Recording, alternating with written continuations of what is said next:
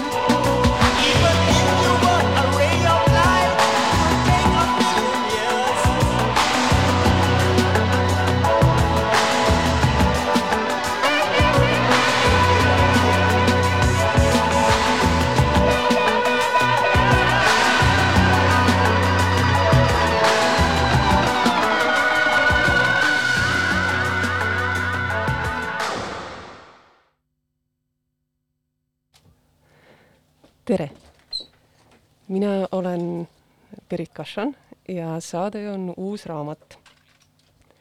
ja täna me räägime raamatutest, mis on põhjustanud lugejatele kannatusi. et äh, enne, kui me saate, meie ehk siis mina äh, ja kõik inimesed, kes on andnud, äh, andnud oma ideid ja tagasisidet sellel teemal, et saate sisulise osa juurde asume ma ütleks veel mõned teadaanded. et äh, tervitaksin siis kõigepealt Triinut ja Eliisat, kes tavaliselt seda saadet teevad, aga täna teiste asjatoimetuste tõttu siin olla ei saanud. ja, ja saadaksin ka tervitused siis Ester Urbalale, kellega me tegelikult koos seda saadet täna tegema pidime ja entusiastlikult seda ette valmistasime, aga Ester jäi kahjuks haigeks. nii et äh, mina üksi jäin ja mm, jah. ja sisustan selle jututunni kuidagi, kuidagigi ära. aga ah,, ja kasutage, kasutage chati, et äh, kui mõne teema kohta tekib küsimusi või, või tahate jagada oma lugeja muljeid jooksvalt, et siis ma üritan ühe käega ka olla telefonis ja, ja seda kõike jälgida ja, ja teiega kaasa mõelda. et siis on nagu natukene dialoogilisem see asi mm aga jah, et, et miks siis, miks siis mõni raamat põhjustab kannatusi ja, ja kas kannatamistes, mida raamatud põhjustavad, võib märgata mingeid mustreid või on ikkagi iga kannatus ise nägu? ja kui tekib kannatus, et kes on siis süüdi, kas autor või lugeja? et kui me selle, selle peale mõtlema hakkasime ja seda ka inimestelt küsima hakkasime, siis, siis tekkis ka tegelikult see tunne, et, et lugemine on ju tegelikult äh, nagu vestlus. et selles on siis kaks osapoolt, lugeja ja raamat. ja, ja kui kohtuvad näiteks kaks inimest mingis eluhetkes, kus neil pole üksteisele mitte midagi öelda, siis see on tegelikult täiesti normaalne. aga kui kohtuvad äh, lugeja ja raamat, kes ei leia kontakti, et siis noh, siis justkui peaks selle tingimata tööle panema. muidugi eks inimesed näevad ka inimsuhteid erinevalt. aga ja samamoodi, et, et siis mõnikord äh, mm, tuleb leida ka ühine suhtlustasand inimestega, kes, kes pole päriselt sinu tüüpi, kellega sul ei teki kontakti. et see siis oleks selline kohustusliku kirjanduse tüüpi olukord. et sa pead selle raamatuga mingisuguse suhte looma, sest et mingi, mingi tulemus oleneb sellest. ja mm, Ester siis äh, otsis nende mõtete illustreerimiseks välja ka äh, mõned lõigud äh, Roland Barthi teosest äh, Teksti mõnu ja sealt siis järgmine tsitaat. et äh, kui ma loen mõnuga mõnd lauset, lugu või sõna, siis see tähendab, et nad on mõnuga kirja pandud. kui ma siis kirjutan mõnuga, kas see kindlustab kirjanikule lugejapoolse mõnu? üldsegi mitte. ma pean lugejat püüdma, pean talle külge lööma, teadmata, kus ta on ja Part siis pakub, et naudingu tekitamise võime võiks olla teksti omadus ja lugejast sõltub, kas ta on võimeline seda tundma hmm.. või on tal mingid segajad. et ka kommentaariumis paljud tunnistasid, et, et näiteks mm, see hetk, millal nad selle raamatuga kokku said, ei olnud lihtsalt õige. et saad aru küll, et on, on hea raamat, aga, aga noh, see teema praegu absoluutselt ei kõneta. et, et üks näide tagasisidest, mis meile tuli, oli näiteks Andrus Kivirähki äh, romaani Mees, kes teadis Ussi sõnu kohta. et, äh, et kui sa asud seda lugema, et, et see lugeja teadis, et, et noh, see on, see on hea raamat ja, ja tõenäoliselt ka mitmetasandiline. Ja, ja oli ka tegemist, on ka tegemist väga suure lugemusega inimesega, aga siis ta ütleski lihtsalt, et, et mingisugune teema, et, et kuidagi ei, ei läinud see dialoog käima. Ja, ja ta läheb edasi selle teadmisega, et jah, kindlasti see on hea raamat kuigi ta seda isiklikult ei, ei kogenud aga, aga et mõnel juhul siis lugeja tunnetab ka ära nagu autori liigse ponnistuse, et, et äh, lugejale külge lüüa, nagu Paart ütles, et äh, et noh, selle peale siis võib ka mõelda, et kes te ka praegu seda saadet kuulate, et äh, on teil mõned kogemused kirjandusteostega, kus, kus autori kavatsus või püüd on nagu natukene, ma ei tea, liiga ilmselge või, või selline tüütu mulje avaldamine, et siis jagage neid muljeid, palun.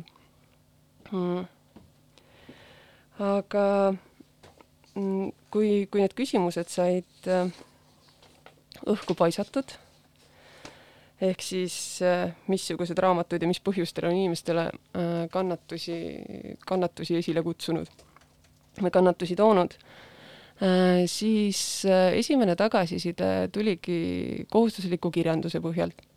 ja see on üks kohutav sõnapaar, sellega tuleks midagi ette võtta, aga sellest ehk kunagi hiljem no,. ja võib-olla see oleks ka hea hetk soovida head õpetajate päeva ennekõike kõigile kirjandusõpetajatele, kes peavad väga, väga kitsas ajaraamis äh, hakkama saama nende teadmiste edastamisega, mida nad siis jah, tahaksid jagada. aga ma loen ühe ma loen ühe kommentaari ette ka, mis oli üks esimesi, mis, mis laekus minu Facebooki seinale eh, selle teema kohta ja see on järgmine.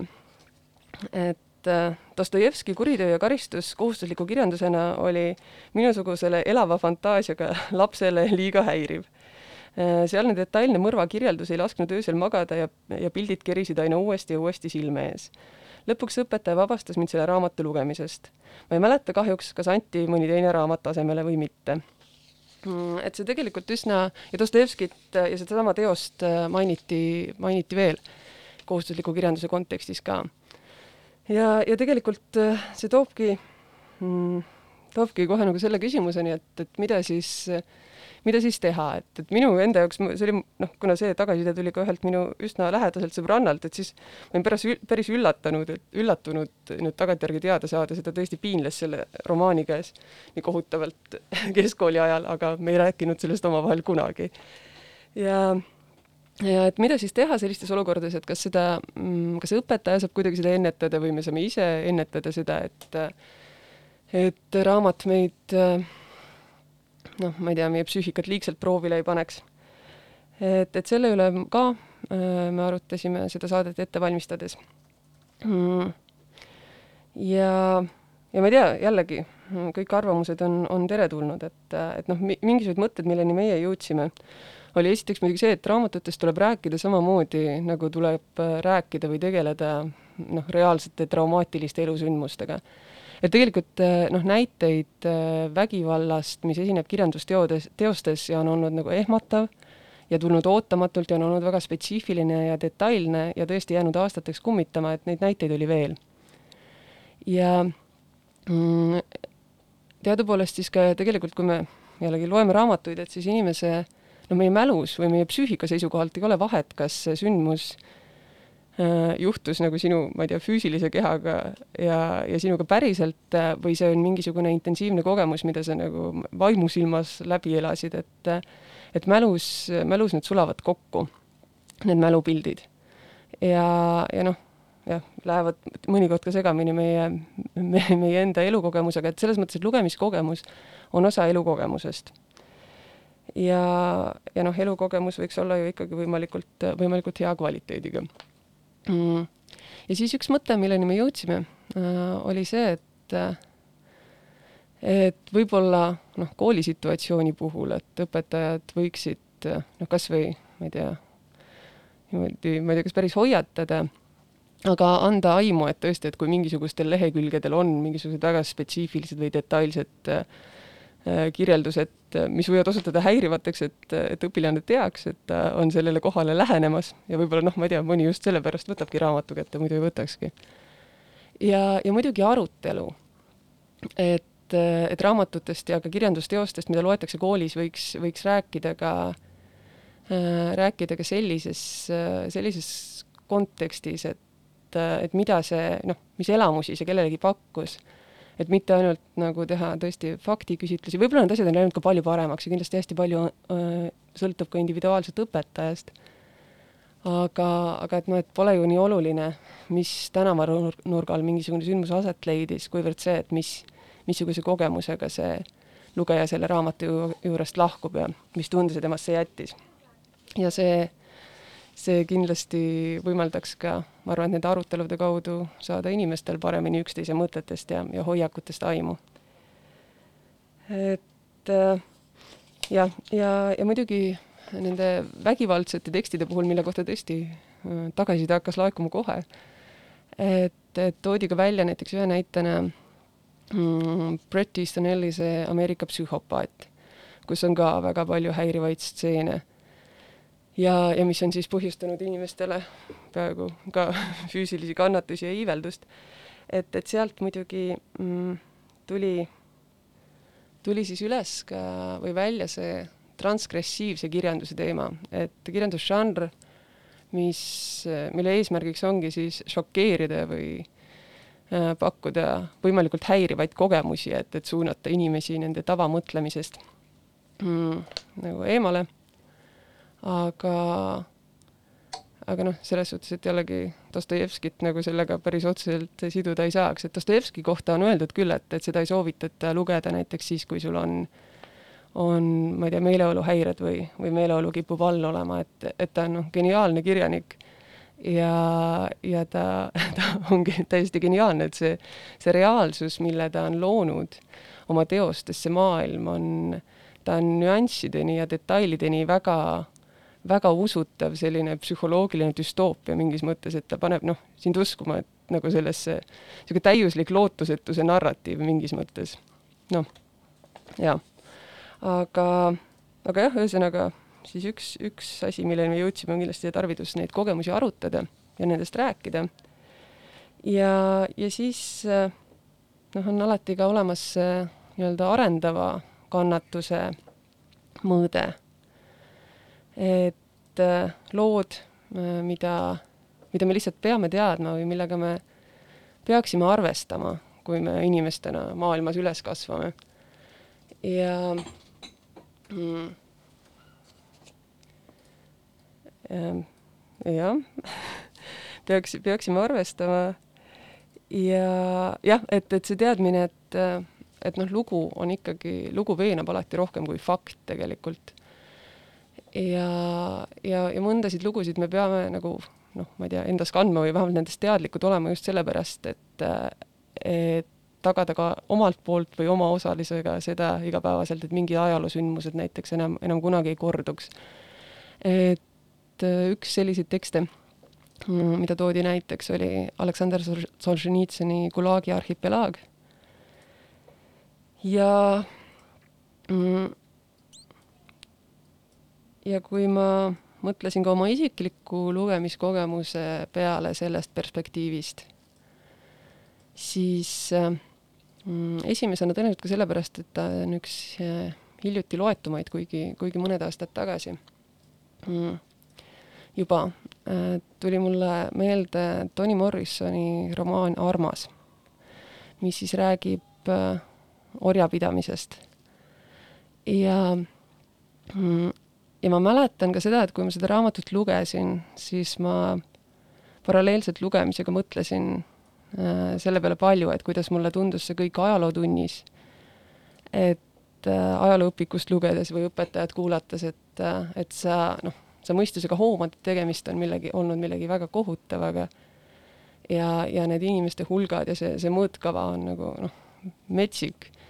Aga, aga miski ei mõju ikkagi niimoodi nagu väga hästi jutustatud äh, lugu, kus inimestel on on näod ja, ja karakterid ja see on üks neid tekste, mille puhul ma lugedes tundsin ka ise, et äh, need sündmused, mida mulle näidati, need olid nagu nii, nii õõvastavad, et ma ühelt poolt ma ei tahtnud seda teada, aga teisalt see oli nii meisterlikult kirjutatud. Ja, ja see, et ma lihtsalt pidin sellega kaasa minema ja muidugi seal tekkis ka selline solidaarsuse küsimus, et, et sa ei pööra pead ära äh, teise inimese kannatust nähes, et kui noh, kirjanik suudab su nagu nii kaugele viia, siis ta on oma töö ilmselgelt hästi teinud. ja, ja ka tagantjärgi ma arvan, et, et mingisugune emotsionaalne mõõde, mis äh, mida sellised kirjandusteosed võivad anda nagu ka suuremate ajalooprotsesside või ajaloosündmuste mõtestamisse, et, et see on väga oluline. ja, ja sellepärast noh, võiks, võiks öelda, et need on siis need mingit pidi õilistavad kannatused mida, mida kirjandusteosed võivad pakkuda. et aga siis võib-olla jah, mm, veel mõned, äh, mõned lugeja muljed. et üks, üks lustakam võib-olla, et tsitaat siis et ma nüüd, ma nüüd ei tea, kas see on see kannatus, mida sa otsid, aga Peeter Ernitsa ei või olla et äh, see oli siis see raamat ja, ja see kannatus oli, sündis siis teise inimese rumaluse pärast. nimelt õppisin sellest raamatust, et kõrbes elavad kõrbekonnad, kes kaevuvad liiv, kaevavad ennast liiva alla.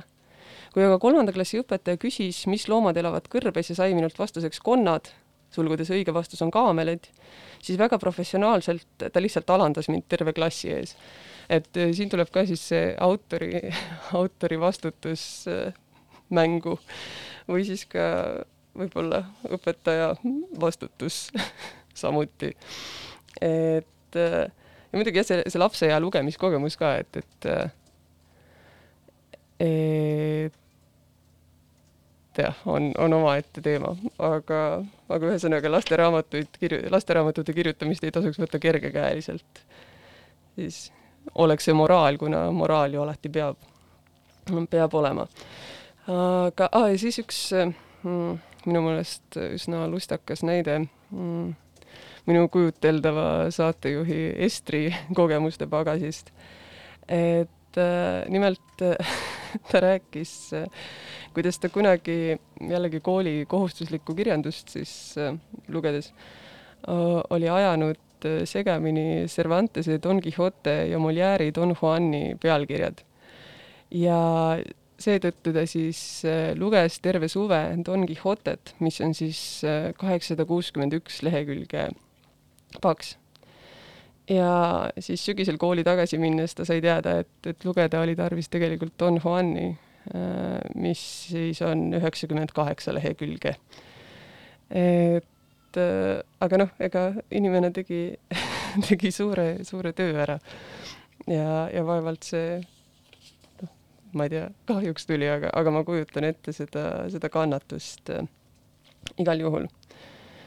Ja, ja siis ah,, ja siis üks, üks alateema, mis veel ka välja tuli või, või noh, millega me kokku puutume ka, ma arvan, erinevates eluetappides, kui, kes me loeme rohkem, et et kui on nagu oluline autor või hea autor, aga sulle satub esimesena kätte mingisugune tema teos, mis ei ole nagu väga, väga kutsuv või jällegi sellel eluhetkel ei teki, teki dialoogi.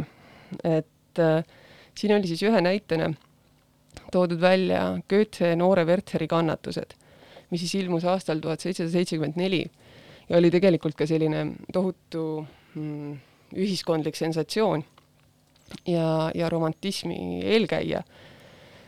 ja mm, noh, selle, see raamat siis äh, lühidalt räägib sellest, et äh, on noor Werther, kes kes on armunud Charlottesse, aga Charlotte on kihlatud teise mehega ja siis see Werther muidugi hakkab kannatama. siis ta kannatab ja kannatab ja, ja kuni lõpuks ta siis võtab endalt elu ära.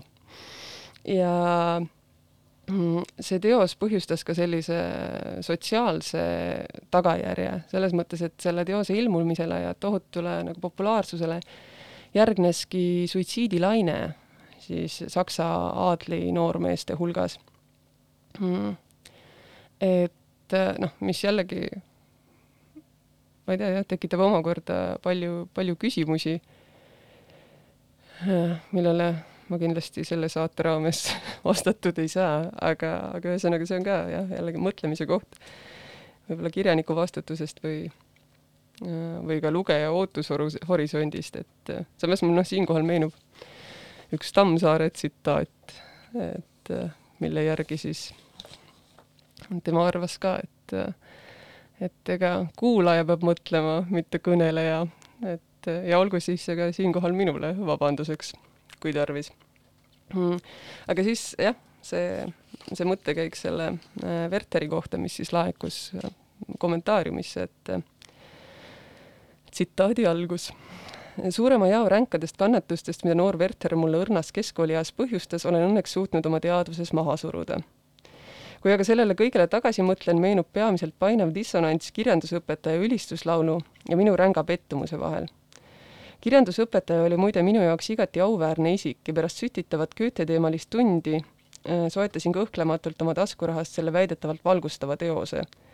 Kui veendusin, et olin ostnud ikkagi õige teose ja pidin pärast üsna piinarikkaid lugemistunde tõdema, et elu võõrana mõjuv õhkamine ja veniv abitu hala jäävad minu jaoks täiesti arusaamatuks, kerkisid teadvusesse paljud häirivad küsimused, näiteks kas viga on minus? millest ma aru ei saa? ja kas ma olen ainus? Ja see nüüd on küll võib-olla meelevaldne, aga ma siiski seostaks oma tänast suutmatust kuulata ligimeste kurtmist kauem kui üks akadeemiline tund otseselt selle hirmsa teosega, mille asemel, jumal hoidku, oleksin võinud ka lihtsalt Fausti lugeda. Mm.. et jah, siit tuleb jällegi äh, muidugi välja see vajadus äh, raamatutest rääkida, et kui sulle, kui sulle tundub, et äh, et sa oled ainus selles olukorras, tegelikult mis iganes olukorras sa oled, siis, siis sa tõenäoliselt ei ole. aga see tuleb kuidagi lihtsalt äh,, äh, tuleb ennast väljendada. mitte, et see nüüd oleks selline tagantjärgi, tagantjärgi ta, tarkus kommentaari kirjutajale. aga, aga sellega seoses jällegi ma hakkasin mõtlema ka oma lugemiskogemuse peale mm, ja kuna keegi tõi, tõi välja ka Toomas Manni romaani Võlumägi, mida ta on üritanud korduvalt lugeda, aga mis ei ole, ei ole õnnestunud.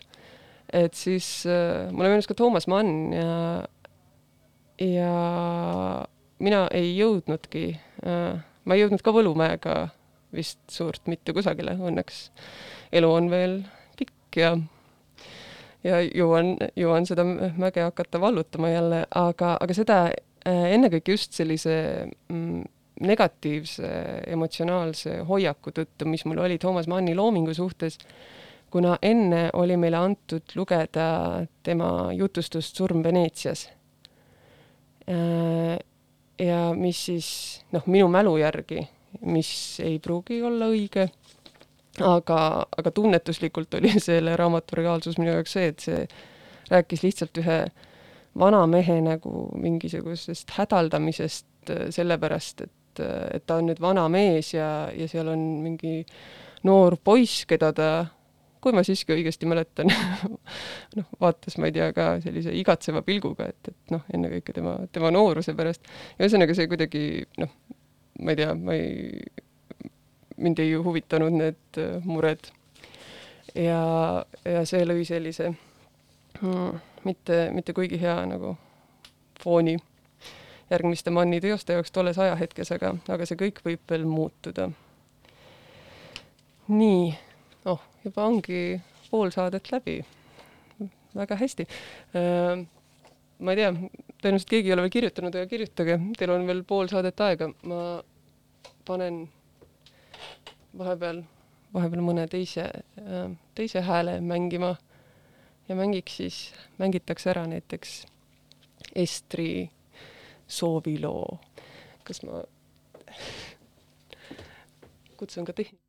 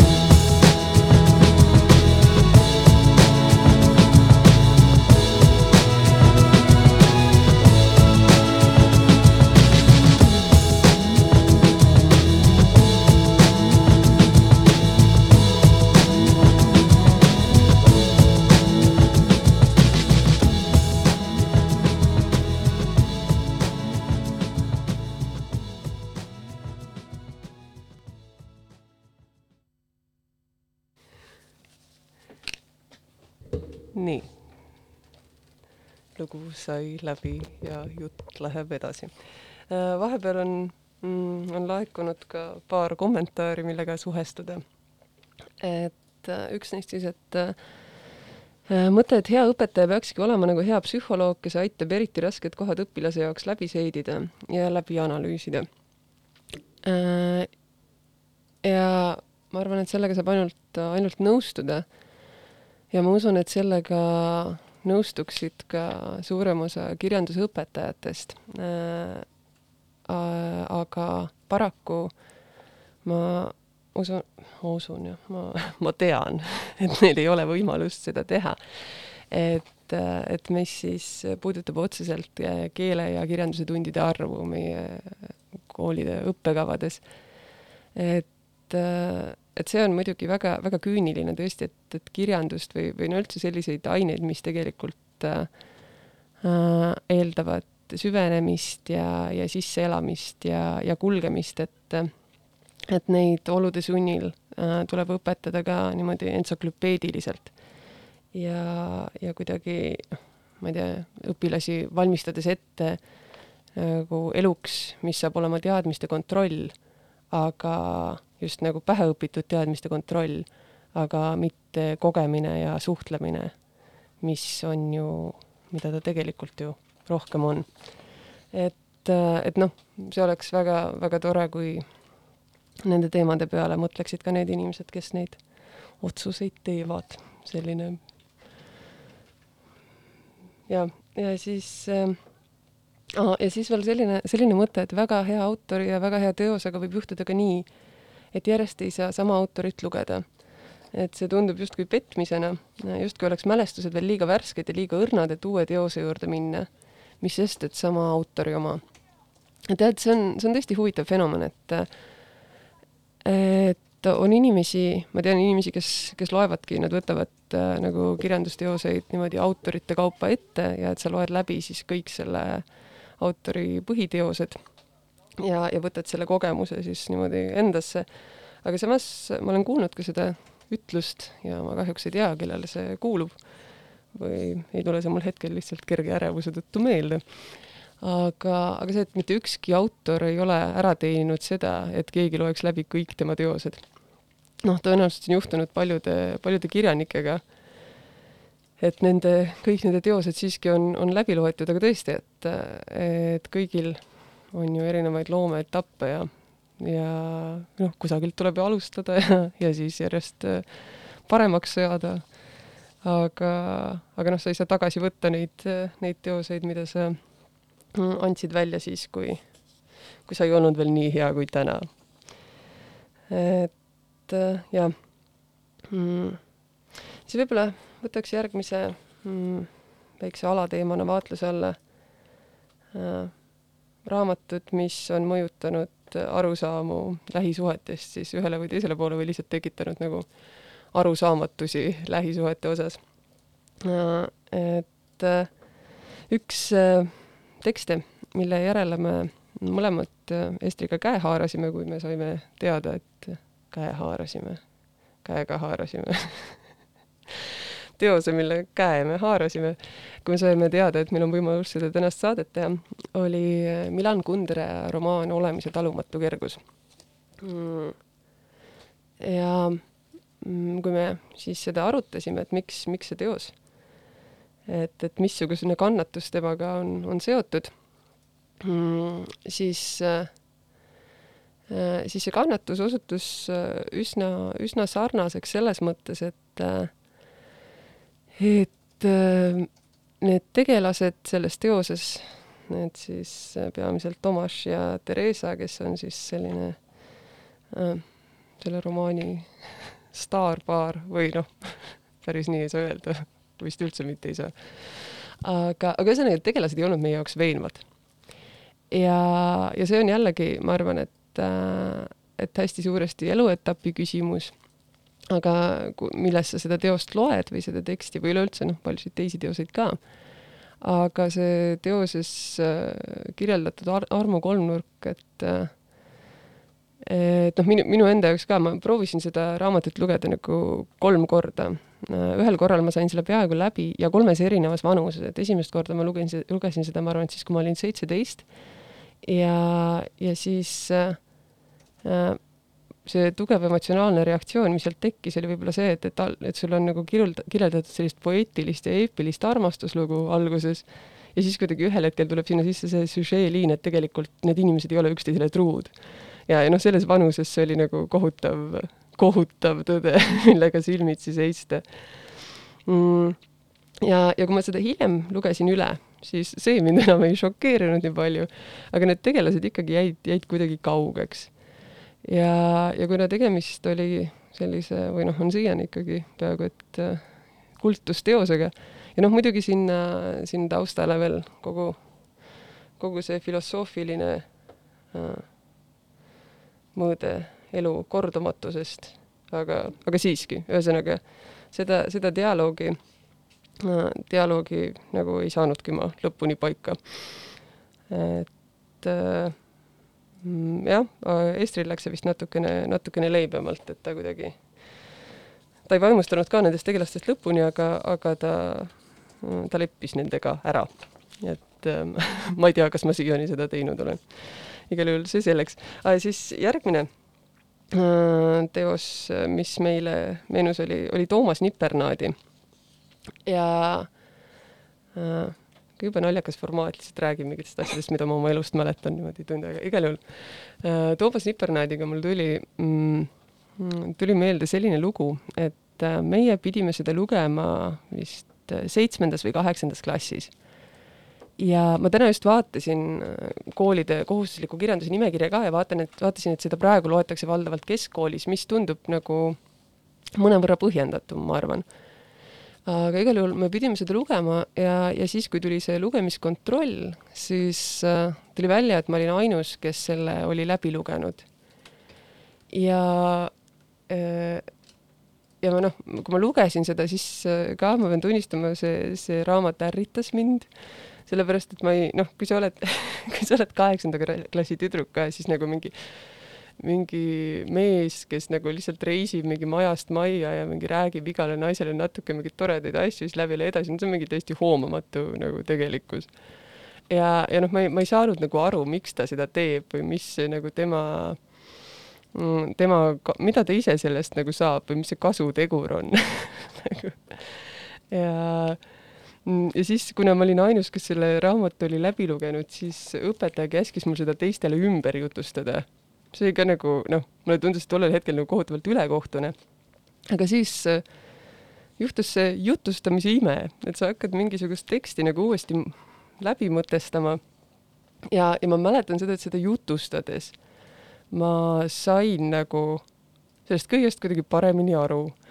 et, et mul tekkis tõesti see tunne, et äh, kõik need äh, Ellod ja trallad ja kõik need tüdrukud seal maanurkades, kes noh, elasid valdavalt üsna, üsna üksildast elu ja väga ringi ei liikunud.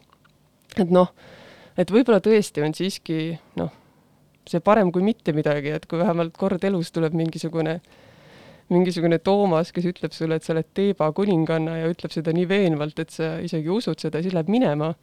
Et noh, mis sest, et Toomas läheb minema, et see tunne, et sa oled Teeba kuninganna, noh, kui sa seda päriselt usud, siis see võiks ju jääda. ja noh, see on ikkagi kokkuvõttes parem kui see, et keegi pole sulle kordagi elus öelnud, et sa oled Teeba kuninganna. et äh, jah, selline, selline kokkuvõte siis äh, Toomas Nipernaadist. aga, aga Kailitist rääkides, et äh, et ma kindlasti soovitaksin kõigil, kes on lugenud Nipernaadit, lugeda Ekke Moori ka. no tegelikult Kailitil on üldse jah, palju häid asju veel, aga, aga Ekke Moor on nagu, nagu Toomas Nipernaadi, ainult et parem. minu mm, tagasihoidliku arvamuse kohaselt mm,. Ah, ja siis äh, jällegi üks raamat, mis äh, käis ka kommentaariumist läbi äh,, oli mm, viiskümmend halli varjundit, halli varjundit ja ja inimesed noh, tõid selle välja, et, et see tõesti oli nii tohutult populaarne ja seda nagu üritati lugeda, aga, aga raamat oli nagu olematu stiiliga ja ja, ja igatpidi kohutav. ja et, et siis noh, mõelda selle peale, et milles selle, selle raamatu või sellise kirjanduse fenomen seisneb. ma kusagilt ka kuulsin, et äh, see raamat oli tegelikult äh, üks äh, ma ei tea, kas enim või ühesõnaga mingil hetkel te hakati tegema tähelepanekuid, et seda raamatut jäetakse tohutult nagu lennujaamadesse maha. et tõenäoliselt inimesed siis selle buumi peale või selle haibi peale nagu, jah, see buum, okei okay. äh,, nagu lä läksid sellega kaasa ja ostsid selle raamatu ja siis said ikkagi aru, et, et see noh, ei vasta nende ootustele. nii et äh, et noh, lennujaamast oli mingi aeg, mõned aastad tagasi väidetavasti äh, üsna lihtne saada endale tasuta eksemplari viis, viiekümnest halli varjundist kui see soov peaks olema, olnud olema. ja, aga noh, millele see, see viitab, et äh, üks asi on muidugi kogu see turundusmehhanism ja, ja see, mis käib ikka nagu selliste raamatutega kaasas äh, või selliste raamatute turundamise taga on. aga, aga teisalt mm, võimalik, et maailm vajab nagu läänemaailm ennekõike vajab head erootilist kirjandust. et et, äh, et jah, siis kes, keda see žanr võib-olla kutsub, et siis äh, ma ei tea, siit oleks siis järgmine üleskutse, et hakake kirjutama. et, äh, et jah, et kui sellised, muidugi noh, ma mäletan seda, et kui ma ise jällegi kuulsin selle, selle raamatu või selle fenomeni olemasolust, et siis äh, ma ei ole seda lugenud äh,, kui paar lehte vist raamatupoes. aga, aga noh, minu jaoks tegi selle juba kuidagi nagu eemaletõukavaks see, et mm, mm, et äh, kui ma sain teada, et tegemist on nagu videviku saada, saaga siis fanfictioniga, mille siis üks ma ei tea, toona vist neljakümnendates naine, et, et ta oli nagu lugenud seda videviku saagat ja siis ikkagi tundnud, et nagu, et aa, et see ei ole päris nagu see ja siis ta oli nagu selle pinnalt kirjutanud viiskümmend halli varjundit. aga noh, selles mõttes, et äh, mm, lihtsalt erinevad äh,, jällegi ei tekkinud dialoogi, aga aga kellel, kellel tekib, siis võtke, võtke sellest parim. nii äh,. oh, juba kolmveerand. nii, siis äh, ma ei tea, mängiks veel ühe vahevala ja siis räägiks natukene ka kulinaarsetest kannatustest, mis tulevad inimesteni kirjandusteoste kaudu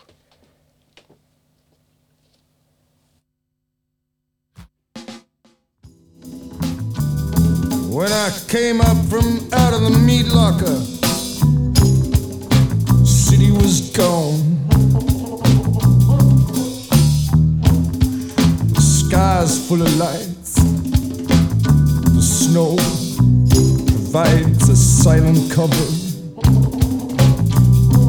in moonland under the stars, under the snow.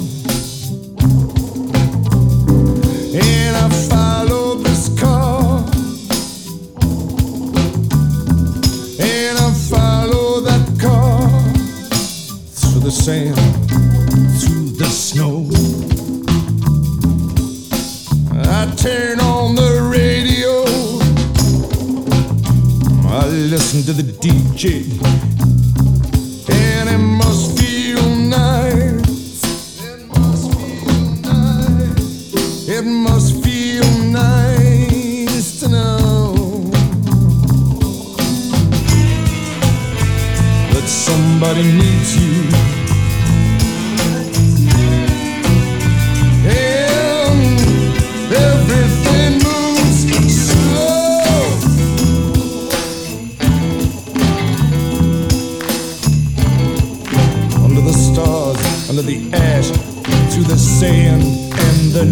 Drifts in. The snow provides a silent cover,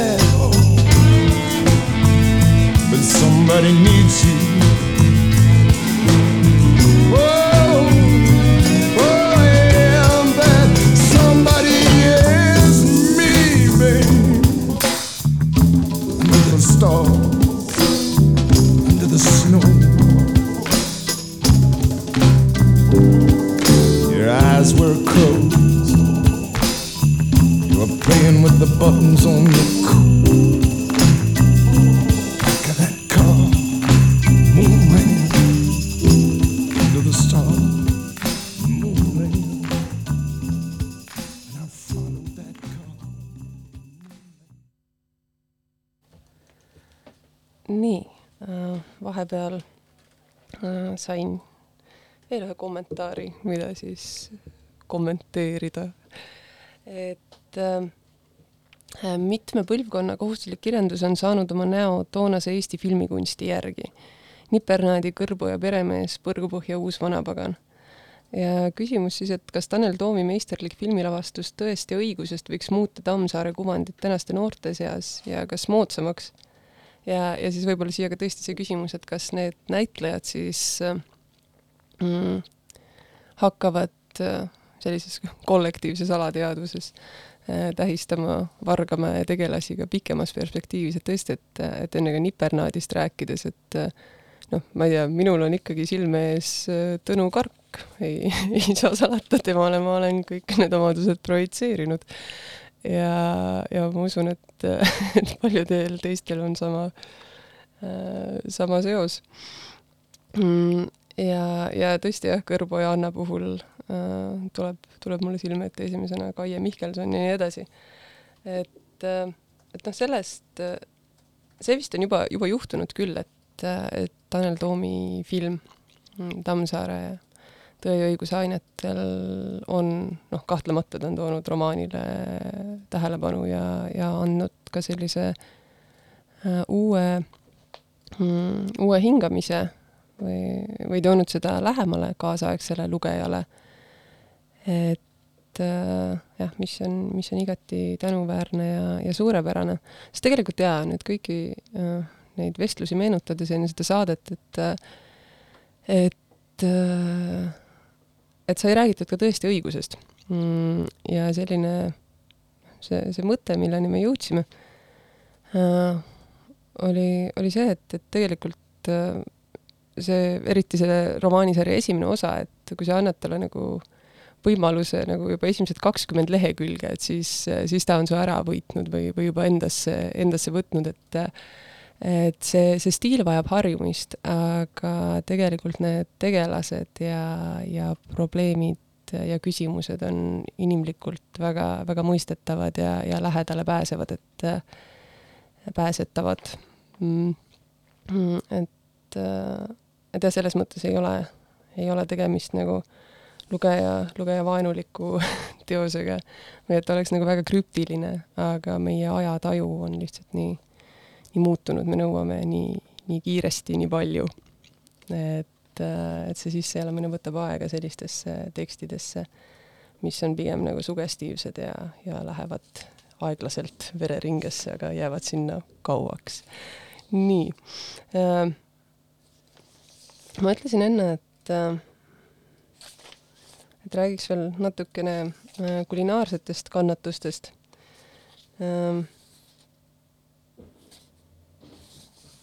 aga siis ma mõtlesin ümber. ma loodan, et äh, kõik kümned tuhanded äh, kuulajad ei, ei pettu hetkel. et noh, üleüldse siin on, siin on veel rohkesti teemasid, mis tõenäoliselt äh, mingil hetkel, ma arvan, et vormuvad, äh, vormuvad üheks kirjutiseks ja, ja kõik see täna välja öeldu saab ka natukene süsteemsema kuju, mis saab paremini süstematiseeritud. aga, aga jah, et, et palju toodi välja ka või noh, toodi välja ja, ja eks, eks me lugejatena kogeme ka neid kannatusi, mida, mida põhjustab raamat äh, oma, oma välimuse tõttu või oma füüsiliste omaduste tõttu.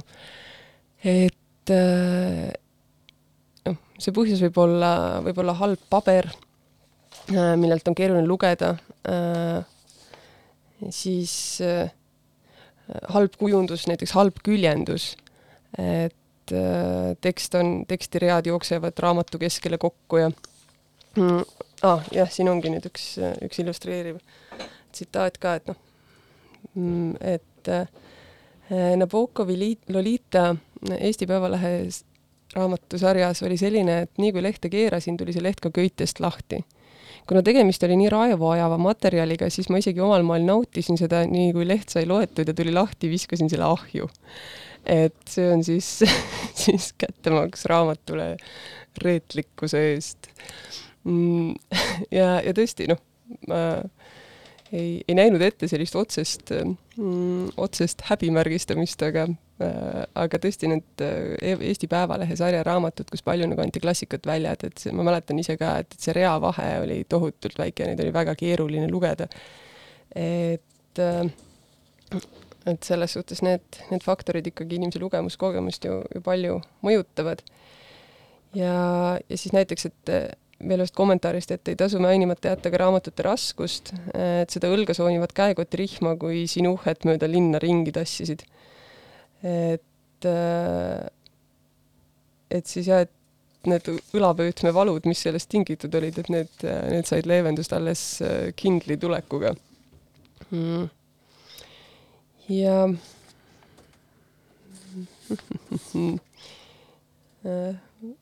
jah see hetk, kus ma, kus ma lappan lehti ja otsin, otsin veel raamatute füüsiliste omaduste kohta märkmeid. hea küll äh,, las ta jääb äh,. ma arvan, et hakkame ja ikkagi meie vormis jätkuvalt äh, liikuma kokkuvõtete poole. et me otsustasime, et äh, mm, me saate lõpetuseks valime ka mm, kumbki ühe tekstilõigu mis äh, vastupidi, kannatuse asemel on toonud, äh, on toonud äh, rõõmu ja kergendust ja, ja toob seda ikka jälle. ja Estri valik oli siis Andra Teede luulekogust Pikad mehed, pikad elud ja tsitaat on siis järgmine. inimesed kahetsevad ikka neid asju, mida nad ei teinud. ära jätta on kõige lihtsam tavaliselt jääbki üks väike hoog puudu. selline, mida võib selja tagant lükata. et see siis on üks asi, mida võiks võtta teadmiseks. ja kui ma hakkasin seda oma lõpulauset otsima, siis ma, ma teadsin kohe alguses, et mm, et ma, ma tahan lugeda midagi ette Viivi Luigelt, alguses ma mõtlesin, et see võiks olla üks luuletus, aga siis, siis ma hakkasin kõiki neid raamatuid lappama ja, ja noh, ega siin võiks jah, pikalt teda ette lugeda. aga siis ma mm, valisin ühe lõigu äh, tema raamatust Ma olen raamat. ja see on mulle, see on üks neid tekstilõike, mis mulle ka ikka ja jälle meenub. Ja, ja ma arvan, et see tuba, millest siin räägitakse, et, et noh, see, seda saab võtta ka väga kujundlikult ähm,. või noh, saabki aga igal juhul. lõik on siis järgmine. tsitaadi algus. kui ma olin umbes kümme aastat vana, oli mu emal raske neeruhaigus.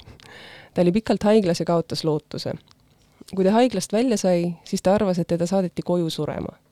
ta heitis pikali, keeras näo seina poole ja lamas, kuni, kuni mina enam välja ei kannatanud, sest et õues kõik säras ja hiilgas. oli juunikuu, taevas olid valged pilved, sire lõitses. ja ema haudus selle kõige keskel oma süngeid mõtteid. ma läksin ja raputasin teda kõigest jõust. sõnu mul ei olnud. ma ei teadnud, kuidas seda kõike väljendada, mida ma tundsin. ma karjatasin kas sul häbi pole? kas sa ei saa siis aru, kui ilus kõik on? Ma raputasin teda seni, kuni ta toast välja tuli. praegu annab kõbusamat kaheksakümne aastast otsida. et jah, see olukord siin ema ja lapse näitel, et äh, mulle tundub, et see, see raputus võib tulla ka mõnest kirjandusteosest või mõnikord me peame ise olema endale need raputajad, kes võib-olla intensiivselt, aga siiski heasoovlikult suunavad pilgu nende asjade poole, mis, mis on ilusad, sest neid alati on kõige muu kõrval. aitäh kuulamast, aitäh kõigile, kes mõtlesid kaasa ja elasid kaasa.